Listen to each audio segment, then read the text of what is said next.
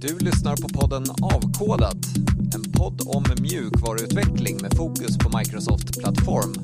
Av och med oss på Active Solution.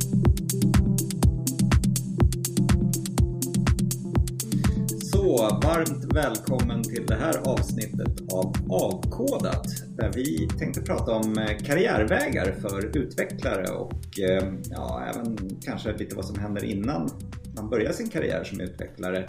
Vad man har haft för utbildning och bakgrund och diskutera lite kring det. Så Robert Folksson heter jag och sen så har vi överst till vänster i bild om jag säger så. Blir det rätt? Ja, Cecilia. Cecilia Wirén. Och Jakob En. Och överst höger. Och Chris Klog. Bra. Så, ja men ska vi... Vi kanske ska börja med att titta lite grann på oss själva då och se vad, var kommer vi ifrån egentligen lite grann innan vi blev utvecklare? Vad, vad är, vad är våran bakgrund egentligen? Och jag kan ju börja. Jag har eh, ingen akademisk examen utan eh, som jag vet att en, en del andra utav oss eh, har gjort så har jag lite grann halkat in på den här banan på ett bananskal. Jag eh, började väldigt tidigt med webbutveckling på en, en utbildning, faktiskt en journalistutbildning som jag gick. Och sen så fick jag eh, 95 ett jobb med webb och eh, webbutveckling och administration utav e-postsystem i regeringskansliet. Och det var på den tiden när man, man liksom räckte upp handen och sa att man kunde HTML. så var det. Så räckte det. Eh, och sen så har jag kompletterat det med distansutbildningar på KTH så att jag läst in ett antal poäng ehm, i, i lite, lite, olika distanskurser. Men, men eh, jag har helt enkelt jobbat väldigt länge med som internetbaserad utveckling och lärt mig eh, programmering dels via kurser som jag har gått och via de olika arbeten som jag har haft och ren erfarenhet, ren hands-on erfarenhet. Ehm, och eh, liksom med en normalbegåvning och lite driv och vilja och eh, en, en jäkla lång erfarenhet så har jag till slut börjat förstå lite grann kring det här hantverket som det faktiskt är. Så att eh, jag har inte den här, vad som kanske nu är en mer traditionell bakgrund, att man går någon typ av computer science utbildning och sen så kanske man går något trainee-program på något företag och sen så blir man juniorutvecklare och, och så vidare och så vidare. Och jag tror att det här stämmer för fler utav oss som är med idag va? Ja, det stämmer. Jag kan säga, från min sida sett så är det, är det ungefär samma sak. Jag har ingen computer science-utbildning överhuvudtaget. Jag har en gymnasieutbildning som byggingenjör um, och kan beräkna last, last och beräkna betongbalkar, vilket är ofantligt oanvändbart i dagsläget. Men det är mycket mattebakgrund, vilket jag tror har gett mig lite grann.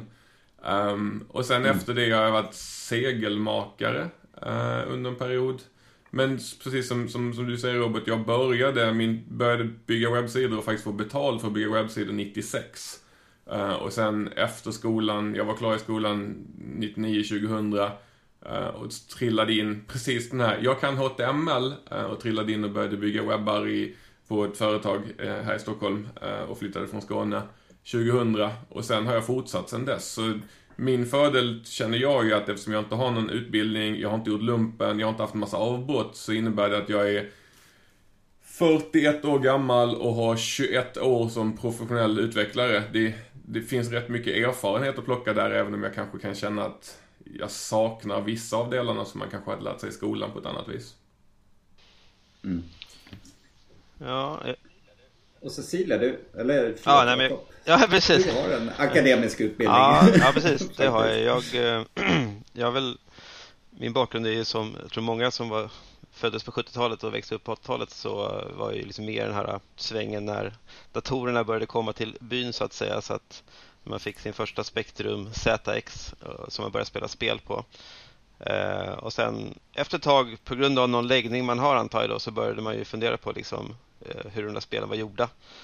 Och eh, jag läste med tidningar som Your Sinclair där det började komma liksom då A4-sidor med häxkod som man kunde knappa in och sen så kom det ut ett ljud på andra sidan. Och av någon, ja, men typ, av någon konstig anledning så var man fascinerad av det där. Det är jättekonstigt egentligen. Och sen så du vet, mm. skaffade man Atari ST och började programmera mer och sådär. Så jag höll på med jättemycket programmering. Och den här demoscenen som fanns då, där man åkte runt och kodade demos och hade liksom tävlingar och sådär. När man var, jag vet inte, det var väl 15, 16, 17 år där. Långt innan man överhuvudtaget började fundera på det här med eventuell utbildning och jobb så att säga. Men sen så, så när jag mm. liksom hade gått klart gymnasiet så för mig var högskolan nog ett naturligt val, eller universitet, för att jag har väl kanske den familjebakgrunden också. Eh, och sådär. Och, men också var det att jag insåg att det här som jag tycker är så himla kul kan man faktiskt också utbilda sig i. Eh, vilket kändes som en stor mm. bonus då. Sen var det ju jättemånga som gick utbildningen med mig och som liksom hoppade av. För att det var ju verkligen då i internetsvängens början där som jag gick på KTH då, eh, 94 till 98 där och det var ju då som det liksom verkligen tog fart och många kom ju aldrig i mål så att säga just för att det var så många företag som började dra i, i dem. Så att, eh, men jag är klart där och eh, ja, vad man haft för nytta av det, det är ju intressant. Vi kanske kan återkomma till det. Men, men så att jag har väl haft en någorlunda traditionell bakgrund så att säga.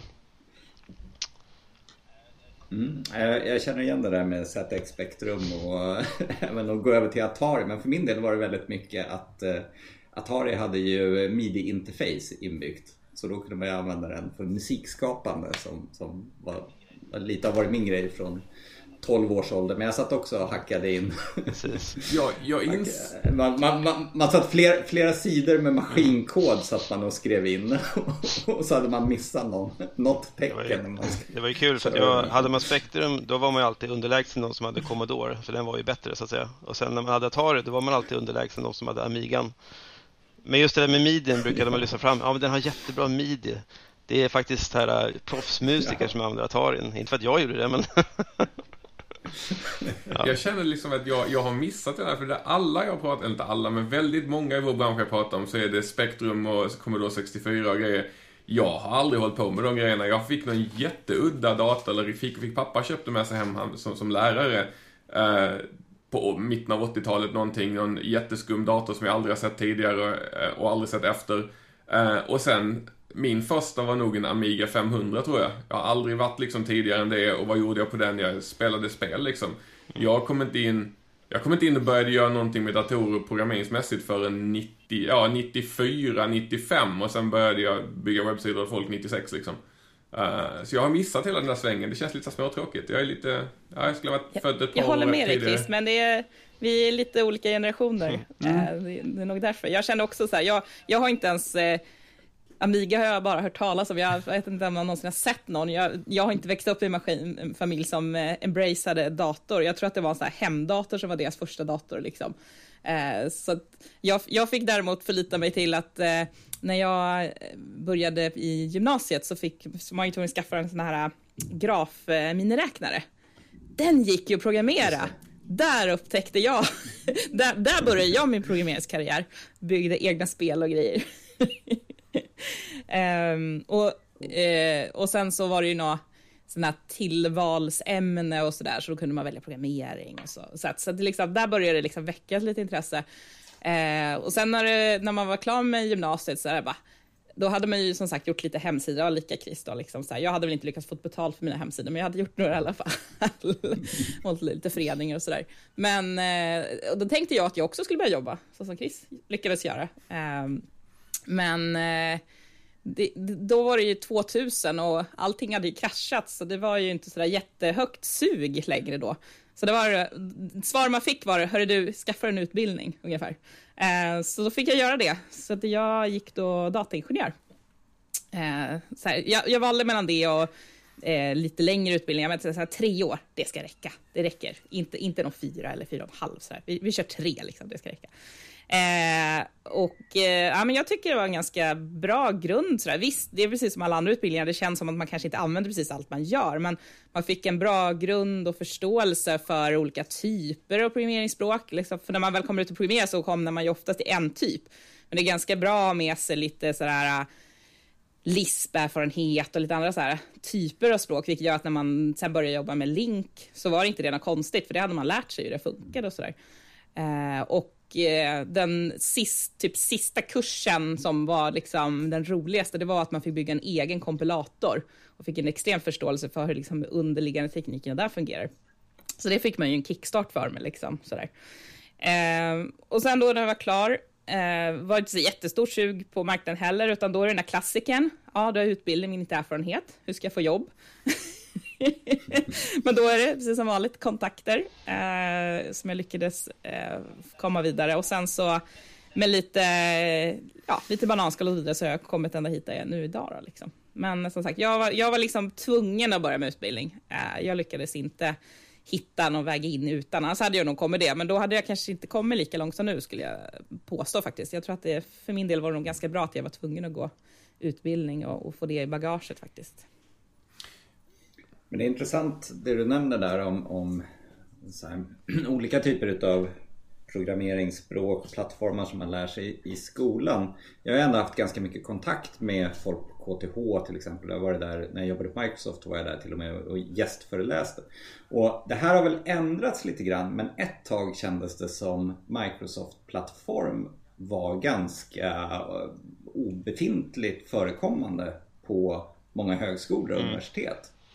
Det, det var, var det någonting Eh, så var det Java mm. som lärdes ut. Ja, så var det ju för mig. Mitt eh, första och, eh, exjobb mm. och sen jobb efter, efter KTH. Då, det var första gången som jag överhuvudtaget jobbade på en Windows-maskin så att säga. Och det var bara, ja. det var bara Java och liksom andra plattformar på, på KTH då.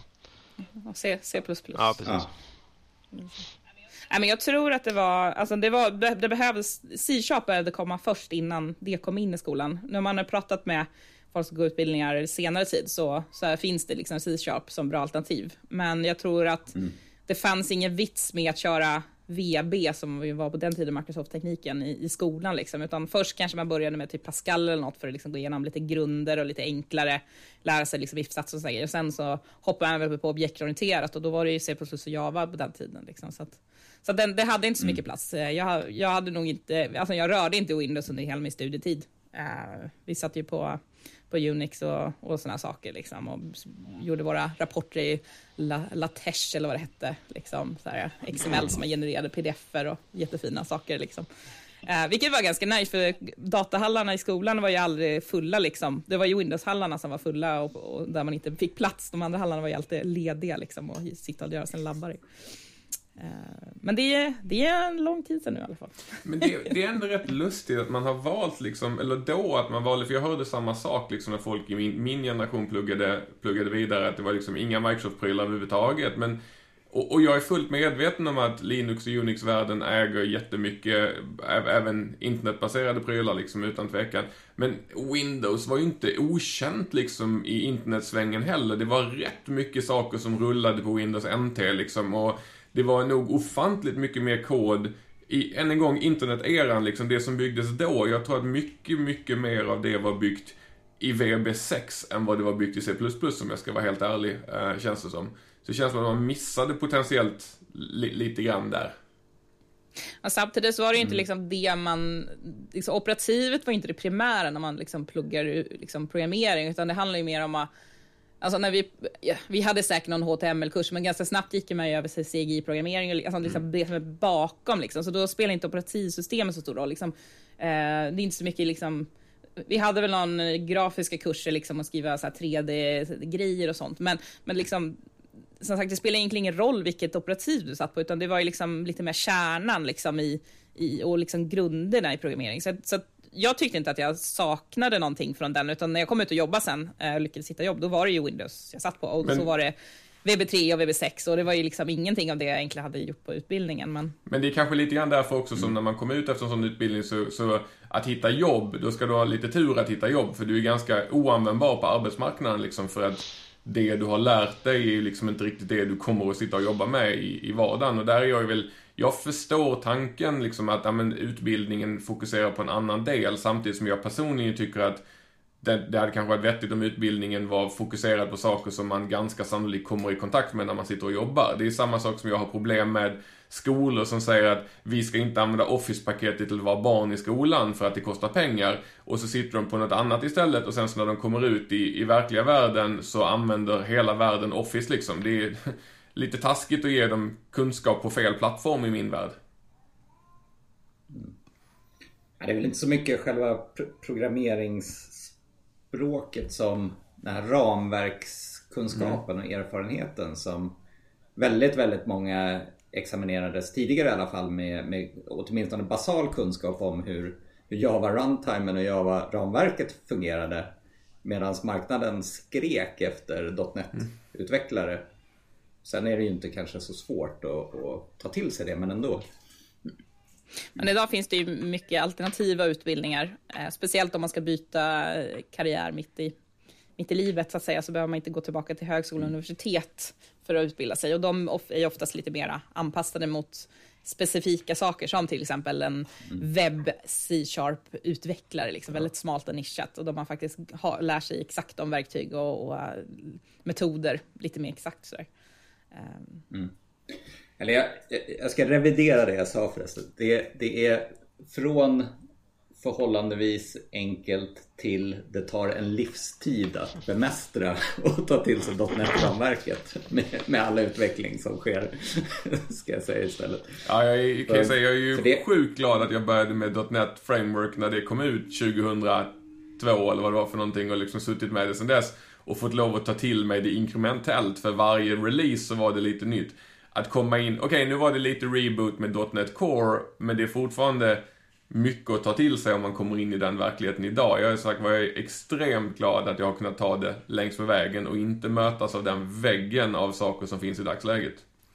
Nej, och framförallt om man kommer in idag så är det inte så här, ah, men hej, lär dig .NET 5 och, och så kör du, utan du kan ju när som helst kasta sig in i .NET 3.5, mm. 4.8, Core, 1 eller Core 2. Så det är ju legacyn i .NET gör ju det mm. ännu jobbigare att komma in och alla olika varianter av slänga på lite Java, Java Framework, verkversioner på det också, så är det ju, jag är inte avundsjuk de som är nya. Men det är väl jag tänker på det där med att ta till sig saker. Det, det är väl ändå en av de klassiska, ska säga, eh, argumenten så att säga för, för en utbildning då, att man, man liksom tanken är väl att man ska få någon form av teoretisk grund som då eh, gör att det kanske blir lite lättare att eh, liksom, ta sig an saker som man då eh, istället för att kanske bara slänga sig och, och lära sig någonting så finns det en teoretisk grund som man gör att det kanske är lättare att ta till sig olika typer av, av programmeringsparadigm och så vidare. Va, vad har ni för känsla av det? Har, det, mm. nu, har inte ni gått kanske samma utbildning som jag har gått och så här, men, men så här, är det så? Det finns ju naturligtvis alla människor och vissa klarar av det där oavsett så att säga, men kan man säga något generellt om det där, liksom att folk som har en utbildning är de generellt sett duktigare eller bättre eller har lättare för sig att ta till sig liksom, ja, olika, i, vår, i vår bransch olika programmeringsparadigmer och så vidare? Ja, jag har ju som sagt var ingen, ingen utbildning bakom mig, så svårt men jag har jobbat ihop med liksom folk som, både folk som har och folk som inte har utbildning. Och jag tror att det finns en poäng i det du säger, att man lär sig man lär sig att lära sig. Om man, det, det mm. låter jätteflummigt, men det, du lär dig grundläggande saker som är underliggande som gör det mycket lättare, tror jag, att plocka upp andra saker. Jag känner det själv nu efter, efter många herrans år så, så började jag känna att jag saknar vissa saker som andra som har utbildning har mycket mer naturligt för sig, för de har lärt sig det på andra delar. Det är liksom Vissa saker kan kännas väldigt så här akademiska, så oh, Big O-notation och liknande saker börjar folk slänga sig med. Inte för att jag någonsin har behövt det i ett enda projekt och ingen har någonsin nämnt det, men på forum och grejer pratas det mycket och jag, jag tror att det att man har lärt sig att tackla problem på ett annat vis när man ska lära sig någonting nytt är nog väldigt värdefullt. Jag tror att jag har kämpat mer och stångat mig blodig i, liksom i verklighetsbaserade scenarion som jag kanske inte hade gjort på samma vis om jag hade haft en bättre underliggande kunskap tidigare. För jag hade nog attackerat problemet annorlunda. Så det finns det definitivt en poäng i. Mm. Men i det långa locket så jämnar det ut sig skulle jag Ja, jag tror att när man kommer och har jobbat med branschen i, i branschen i 20 år så tror jag inte det spelar någon större roll om man började de 20 åren med en, med en utbildning eller om man hoppade rakt in med det och har jobbat med det i 20 år liksom. Jag, jag tror man plock... Om man är hyfsat normalbegåvad så plockar man upp rätt mycket längs med vägen på 20 år liksom. Ja, men precis, det är väl utgångspunkten mm. vad man har för bas att stå på som, som kanske jag och Krista har kämpat oss, stångat oss till under de åren. Eh, men, men där man har en, en mer stabil grund eh, och, och liksom en, en start teoretisk förståelse också för hur språk fungerar till exempel eller kompilator fungerar, som de bitarna. Så att... Ehm, Sen var jag, jag, jag var ja. på väg att säga att samtidigt så tycker jag det, det är bra liksom för att då, då får man lära sig alla, alla fel längs med vägen också för man, man stångas in i saker. Och sen också en liten intressant, så här, också på väg att säga, fast det är väl bra om man kommer ut utan utbildning för då har man liksom inga förutfattade meningar utan man är beredd att bryta ramen och testa någonting nytt. Å andra sidan så har jag ju sett alla de här människorna i JavaScript-världen när jag höll på med det som liksom, ah vi ska göra så här istället. Och jag bara, fast det, det där kommer inte bli bra. Bara, jo, jo, det är jättebra. Bara, fast för tio år sedan försökte vi göra det i objektorienterade språk också och kom fram till att den här separationen är bra att ha. Ja, ah, fast det här är JavaScript, det här är en annan grej. Och sen så sex månader senare, så du, den där grejen vi pratade om, nej det, det sket sig, den funkar inte alls. Bara, nej, vi, vi har försökt det där för 10 år sedan och för 15 år sedan och för 20 år sedan och för 25 år sedan och varje gång så kommer vi till samma slutsats. Så det finns ju en viss mängd sanningar som, som man kanske är bra att få med sig liksom teoretiskt att det här är en bra idé och det här är en dålig idé istället för att försöka liksom. Sen kan man väl avsluta hela utbildningsdiskussionen med att eh, idag så är det väl nästan omöjligt att komma in i branschen utan någon typ av utbildning, utan det är, det är någonting som gick förr. Ja, ja men så är det. Det måste jag hålla med om. Lite så. Ja, vad som jag nämnde innan vi pratade, innan vi satte igång, jag var på väg att börja jobba på Microsoft och där är det ju så att deras ansökningsprocess har ju någon första screening-pryl som sköts av ett externt företag och har man inte en computer science degree så, så plockas man ur högen omedelbart och tas inte vidare i princip. Um, det gör det ganska svårt utan en utbildning, även om man har liksom, som i mitt fall, 20 plus års erfarenhet. Mm. Men det har väl att göra kanske också med mängden mm. ansökningar och folk det finns att välja på så att säga. Ja. Naturligtvis, så det är, ett, det är ett sätt att gallra på. Och det är ju fullt naturligt och framförallt på företag som Microsoft och Google och Facebook och de stora liksom som har de, de har inte direkt brist på folk som vill jobba där om man säger så, så att de kan ju vara ganska hårda i sin gallring. Lustigt nog också måste jag säga att de väldigt, väldigt, väldigt många av de riktigt duktiga människorna jag träffar som, som talare liksom, som åker runt i världen och pratar om olika saker. En rätt stor andel av dem har ingen utbildning överhuvudtaget, vilket förvånade mig när jag satte igång. Att det var, faktiskt var en så hög grad människor som inte har någon riktig utbildning. Men å andra sidan är de ju alla 40 plus vid det här laget och har ju då kunnat komma in i branschen utan en utbildning på ett annat vis. Och hunnit fått några flera års erfarenhet från början mm. och är van att kämpa kanske på ett annat sätt också. Ja, men nu när du nämnde det, eh, åka runt som talare, det, det känns ju kanske inte som den traditionella utvecklarrollen. Ska vi fortsätta med att prata om lite grann liksom, vad finns det för utvecklingsvägar då? För utvecklare? Olika typer utav karriärvägar. Den segwayn måste ju få ett bästa segwayn på, i året någonsin. Det är liksom, det, I like it. Men det, det är väl bra, det, det finns ju brand, karriärer för folk ser väldigt olika ut och vår bransch är ju dessutom öppen för väldigt många olika sätt att ta sig vidare eller liksom jobba med. Det är väldigt, väldigt annorlunda. Vi som sitter här och pratar har ju alla den här talardelen till exempel, vilket jag tror är en ganska liten andel av oss som faktiskt håller på med. Mm. Men eh, här, traditionellt sett så, jag var inne i det lite grann, nästan lite raljerande så här, man blir eh, trainee någonstans och sen så blir man junior utvecklare och sen så blir man utvecklare och sen så blir man senior utvecklare och sen så blir man projektledare, mellanchef, eller? Är det så det är det så det måste se ut? men alltså, vi, vi skrattar åt det, men det är ju faktiskt lite så. Det har blivit bättre, men alltså jag tycker ju fortfarande att den, den inställningen är rätt vanlig. Jag jobbade på, på Nya Zeeland för tio år sedan liksom, eh, och då då var det, det var utstakat. De hade liksom dedikerat så här, det här är career paths. Och om du kommer in som säljare så är det här din career path. Om du kommer in som utvecklare är det här din career path.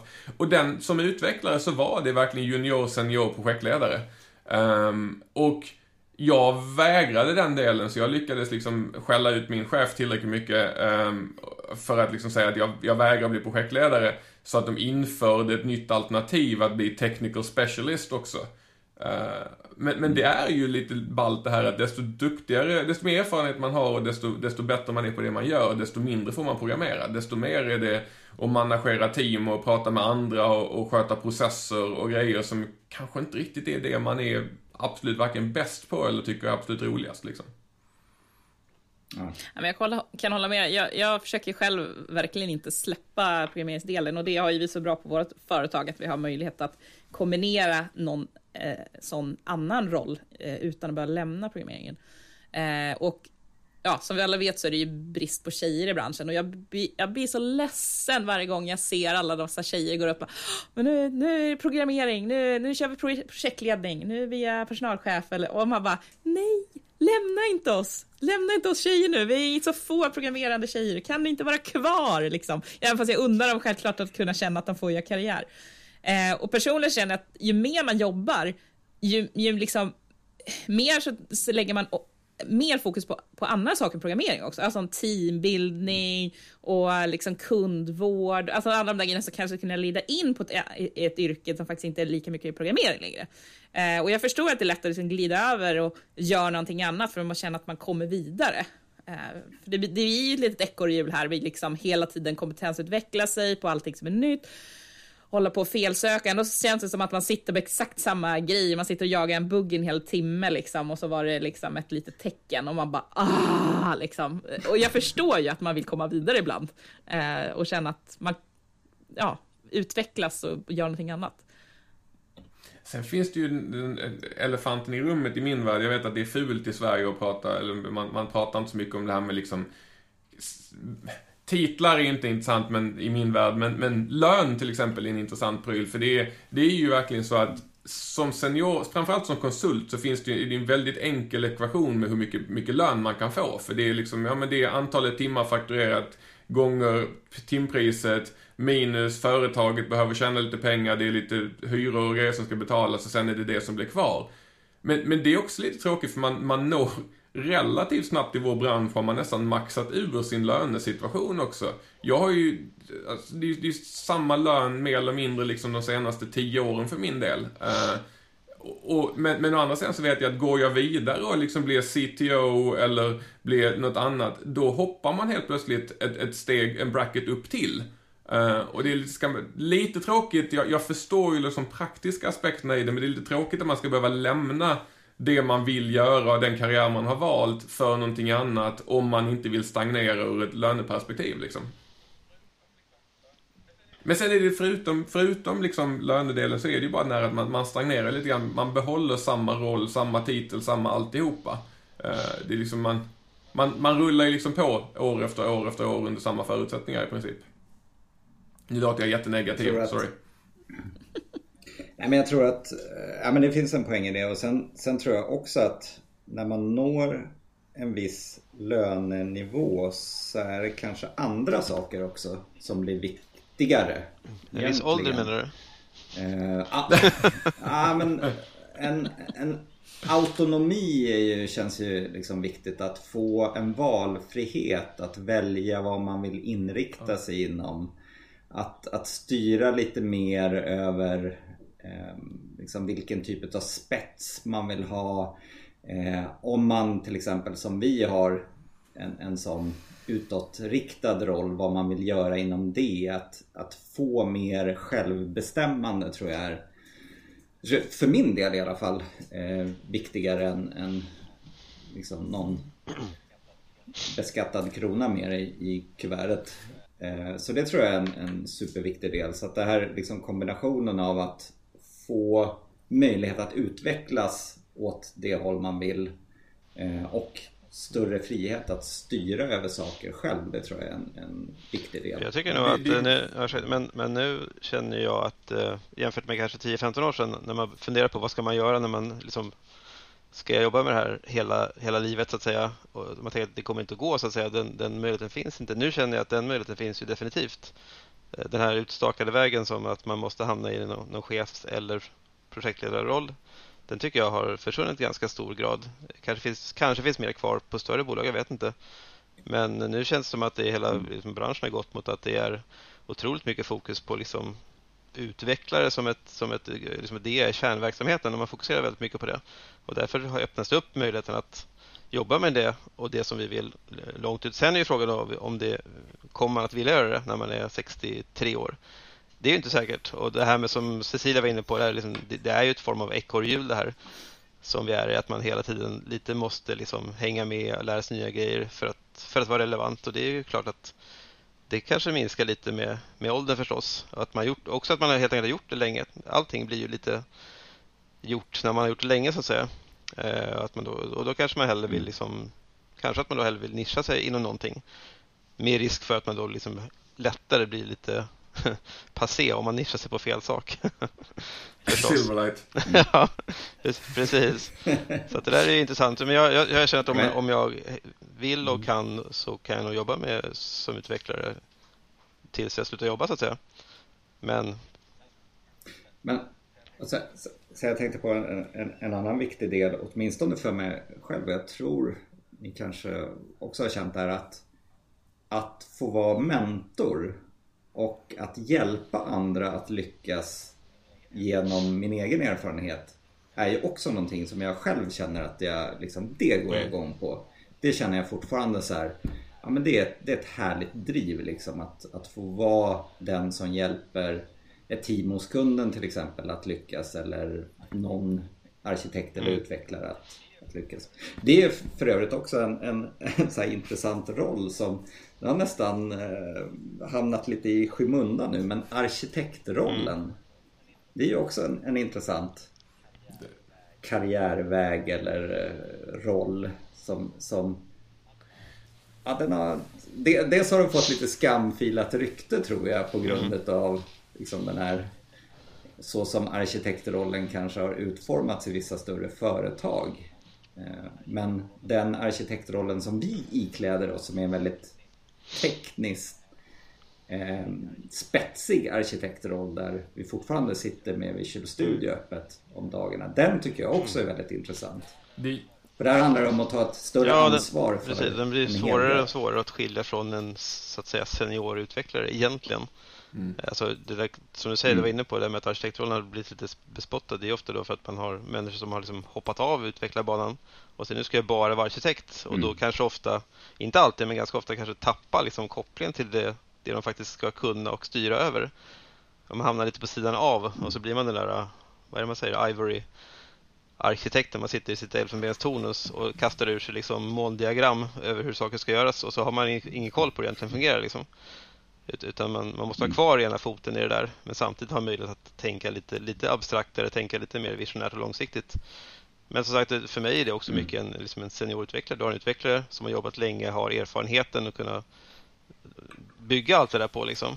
Så då är så här, frågan vad, vad är liksom mm. arkitektrollen? Och det är väl ett eget avsnitt i sig i och för sig. Men...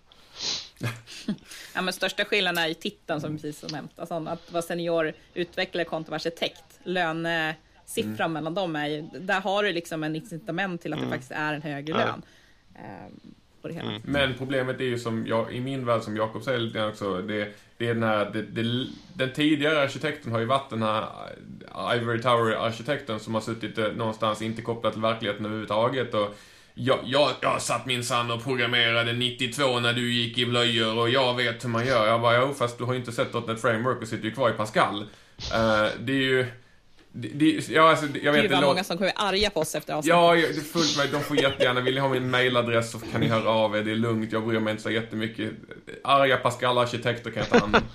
uh, men, men, problemet är, det blir ju en ganska naturlig roll tycker jag för en senior, seniorutvecklare att glida över mot det hållet. För man har den här erfarenheten, man har det. Men jag tycker att det är lite läskigt med folk som går över till bara sitta i Visio eller PowerPoint eller whatever och bygga, bygga saker liksom. För att Ja, med tanke på hur mycket tid jag spenderar på att hänga med på ny teknik och vad som kommer och vad, som, vad man använder saker och ting till. Så bara vara ifrån utvecklarvärlden i ett år så skulle jag känna att jag var, var efter och mina arkitektgrejer troligen skulle bli lidande av det liksom. Så jag tror inte den här fristående arkitektrollen är inte jättelyckad i min värld. Nej, precis. Och, men däremot så är den djupt tekniskt rotade arkitekten kan vara livsviktig för ja för ett projekt. För att det behövs verkligen arkitektur. Um, Så det har jag varit med och skrivit en bok om som reder ut de här olika arkitektrollerna. Har ni, har ni något kapitel på, på arga, har ni, har ni något kapitel på arga Pascal-arkitekter?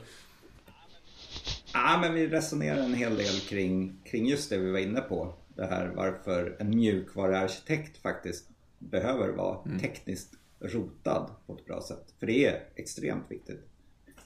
Men jag, det, vi gled ifrån lite grann, för jag vill bara säga, jag, jag lät som grinig över liksom, eh, arbetssituation och grejer när man blir lite äldre och hållit på med det längre. Och du, du sa en ganska viktig detalj där Robert, jag tror att jag, är- jag är lite bortskämd. För du, du sa det här med att det, frihet och, och möjlighet att kunna göra det man vill och fokusera på. Jag, jag tror att det är lätt, i alla fall för mig, är det lätt att glömma bort hur bra värld jag faktiskt sitter i. För jag får jobba med precis det jag vill. Visst, min, min titel är densamma som tidigare och min lön är densamma, men jag har, jag har ju lyckats sätta mig i en situation där jag får lov att jobba med det jag vill. Jag får göra min talargrejer, jag har utrymme att, att få göra det jag vill. Jag har valt att bara jobba deltid till exempel, för att ha tid med andra saker i mitt liv och sådana saker. Så att jag tror också, desto äldre man blir, desto mer som du säger, fokus blir det på andra saker än bara lönen. Och där tror jag att det är viktigt för företag att, att ge utrymme för att folk har andra behov. Uh, mitt, mitt val att jobba deltid, vilket man med vår lön faktiskt i min värld har, har möjlighet att göra, har varit värt ofantligt mycket för min del. För, framförallt för min mentala hälsa, liksom att må bra i mig själv och må bra i mitt liv. Uh, så att, Ja, det, det, det är ju någonting man kan ge sina anställda också, liksom, mer än bara lön. Jag tror att det är nog en viktig poäng som jag, som sagt var, missar lite grann av att man, man har suttit i den världen ganska länge nu och jag är liksom van vid att jag får lov att göra vad jag vill. Jag, jag, projek ja, projekten man gör är roliga och det, det jag programmerar är det jag vill jobba med och den dagen jag bestämmer mig för att eh, nu vill jag inte jobba med Kubernetes längre utan nu jag var på väg att säga nu vill jag jobba med Terraform, men det, ja, eh, det är det jag sitter med just nu. Men det, jag kan hitta en charm i det också. Liksom. Jag kan tycka att det, då är det någonting nytt jag får lära mig, då får jag lov att göra det. Liksom. Och så gör man det ett tag och sitter med någonting annat. Och där är vi kanske skillnaden mot en junior utvecklare som kanske har klart sämre möjligheter att säga nej, jag vill inte jobba med SharePoint.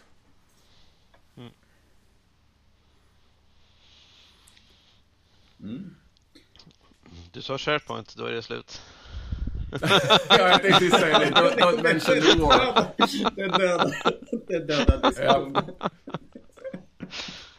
är det teknik? Det finns ju någon sån här, sån, och, när någon nämner nazisterna så är diskussionen död, eller vad det är för någonting. Är det, Ja, är det mjukvaruversion? Är det, Ja. när, någon, när någon nämner SharePoint, då är det slut.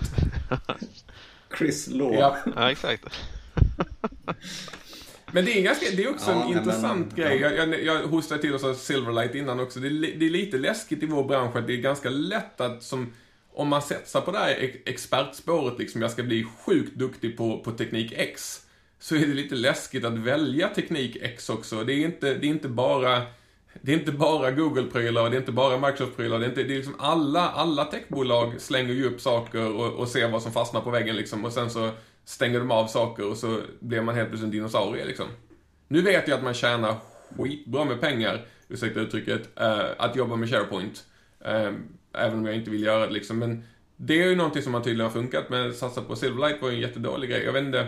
Det är också läskigt karriär, karriärsval liksom, vad, hur hårt man vill gå in på någonting och hur hårt man vill vara knuten till någonting i vår bransch. Ja, men det är lite som att lägga hela sin förmögenhet på en enda aktie.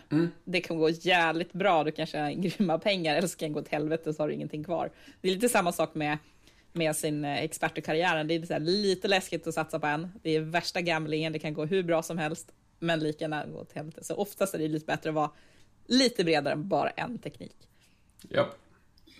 Och Det är, det är lite intressant att vi som företag då på Active Solution, vi har ju valt att, att inte spetsa oss inom SharePoint. Men det är också anledningen till det att eh, det är lite utifrån hur vi som ett kollektiv känner inför att ta till oss det också. Vi, vi, vi har inte utvecklare som brinner för SharePoint. Nej men då, då ska inte vi vara experter på det heller. Det är ju inte, jag menar ett, ett affärsmässigt beslut på det viset. Vi hade säkert kunnat eh, liksom, tagit jättefina affärer och, och om vi hade velat specialisera oss på det. Men vi, vi är inte det företaget som vill det baserat på de utvecklare som jobbar hos oss och vad, vad vi brinner för. Så... Men sen är det ju roligare, jag tycker ju som, som konsult, det är en av grejerna med att vara konsult, det är att jag vill inte vara specialiserad på ett område enbart. Jag vill, jag vill ha den här T-utbildningsgrejen eh, eller T-kunskapsdelen där man, man kan väldigt mycket om väldigt mycket och sen så är man, eller mycket om väldigt mycket och sen är man specialist på ett, några specifika områden där liksom här, här är jag bättre än andra. Jag, jag pratade, råkade igår prata med min fru och så sa jag, det finns ett engelskt uttryck som är Jack of all trades. Som är liksom, jag, jag kan lite av allt och det, det, det kan folk säga, ah, jag är Jack of all trades. Så säger man den delen så tänker man, ja mm, men han, han är duktig på det mesta liksom. Och sen så, så bara, fast fortsättningen av den är Jack of all trades, master of none. Det är så, jaha men vänta lite grann, nu blev det ju dåligt igen. För nu var det så, jag kan mycket men inte jättebra på någonting. Men sen finns det en fortsättning också som är Jack of all trades, master of none, but oftentimes better than master of one. Uh, och jag tycker, att den är, jag tycker att den är rätt bra, för det är liksom som konsult så jag är inte specialistmästare, bäst i världen på en sak, men jag är jäkligt bred och kan göra liksom mycket saker åt kunder. Uh, och det tycker jag är intressant om vi nu ska titta på karriärsdelen också, att jag tror att det är smart att hålla sig lite bredare än att snöa in på en sak och säga att det här är min grej, för förr eller senare så kommer din grej att dö, så är det bara.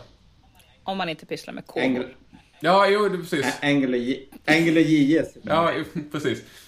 Framförallt välja ett JavaScript-ramverk är definite no-no i min värld. Det är liksom, och därför blir det så löjligt med de här diskussionerna vilka, vilket ramverk som är bäst. För det är, det är som vanligt alltid it depends. Men lär man sig grunderna så känns det som att man kan hoppa runt rätt väl liksom. Mm. Och jag, jag tror också det kanske är styrkan av att ha en så lång erfarenhet och jobba som konsult att vi har ganska lätt för att ta till oss nya saker också. Vi är så vana vid att behöva sätta oss in i nya ramverk, nya, nya JavaScript-ramverk, nya tjänster, nya sätt att eh, använda tjänster Nya domäner. Vi, mm. Nya domäner, ja framförallt. Och det, det är faktiskt en annan sak som jag tycker är fantastiskt kul att jobba just som konsult, det är ju att få lära sig så mycket om hur samhället fungerar utifrån liksom olika snitt ur olika verksamheter som man får sån inblick i. Det är också, det har jag faktiskt tänkt på många gånger, att vilken fantastisk förmån att få liksom sätta ljuset, luppen på någonting och verkligen förstå hur olika verksamheter fungerar. Det är, det är faktiskt en Jag undrar om det är en vanlig grej i vår bransch att man har det intresset. För jag är, jag är likadan, och det gäller egentligen inte bara det vi har jobbat med, med domäner liksom. Jag är extremt fascinerad av, av människor i alla branscher, i alla typer. Jag kan tycka att det är... Jag har haft kille som var hemma och lagade min, eller tittade på min frys som hade pajat.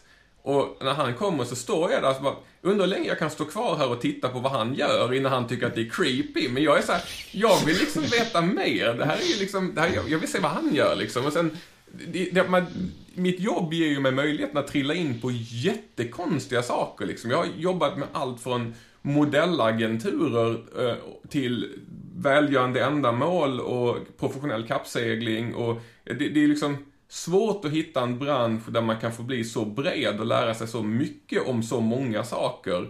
Eh, liksom förutom det vi håller på med. Men tror du inte att det är att vi har lärt oss att alla yrken är intressanta?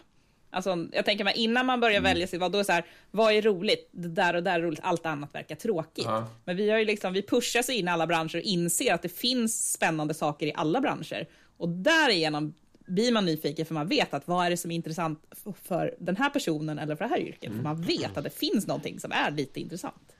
I de flesta yrken. Mm. Sen träffar man ju på de här där man bara tänker jag är så glad att jag inte är person X. Jag är så glad att jag inte behöver gå upp på morgonen varje morgon och göra, utföra sak X liksom. Sen kan man ju vara lite cynisk och pragmatisk och säga att oavsett vilken bransch man hamnar i så handlar det ändå om att skyffla data mellan en databas och ett API. och omforma mellan BTO. det låter lite grann lika cyniskt som när jag hör någon prata så här quantum computing och Q-sharp och jag bara, hur bygger man ett API i det? hur, hur, pratar man med databasen? Finns det en, finns en ADO.NET-koppling för, för Q-sharp och quantum computing? Precis. Det är ju andra sidan kanske lämp lämpligt läge att avbryta och runda av lite grann. Vi har väl sagt att vi ska försöka få kortare avsnitt. Jag vet inte, det känns... de, de, de blir inte alltid mycket kortare om vi säger så. Nej, det är svårt. Det håller oss under timmen i alla fall.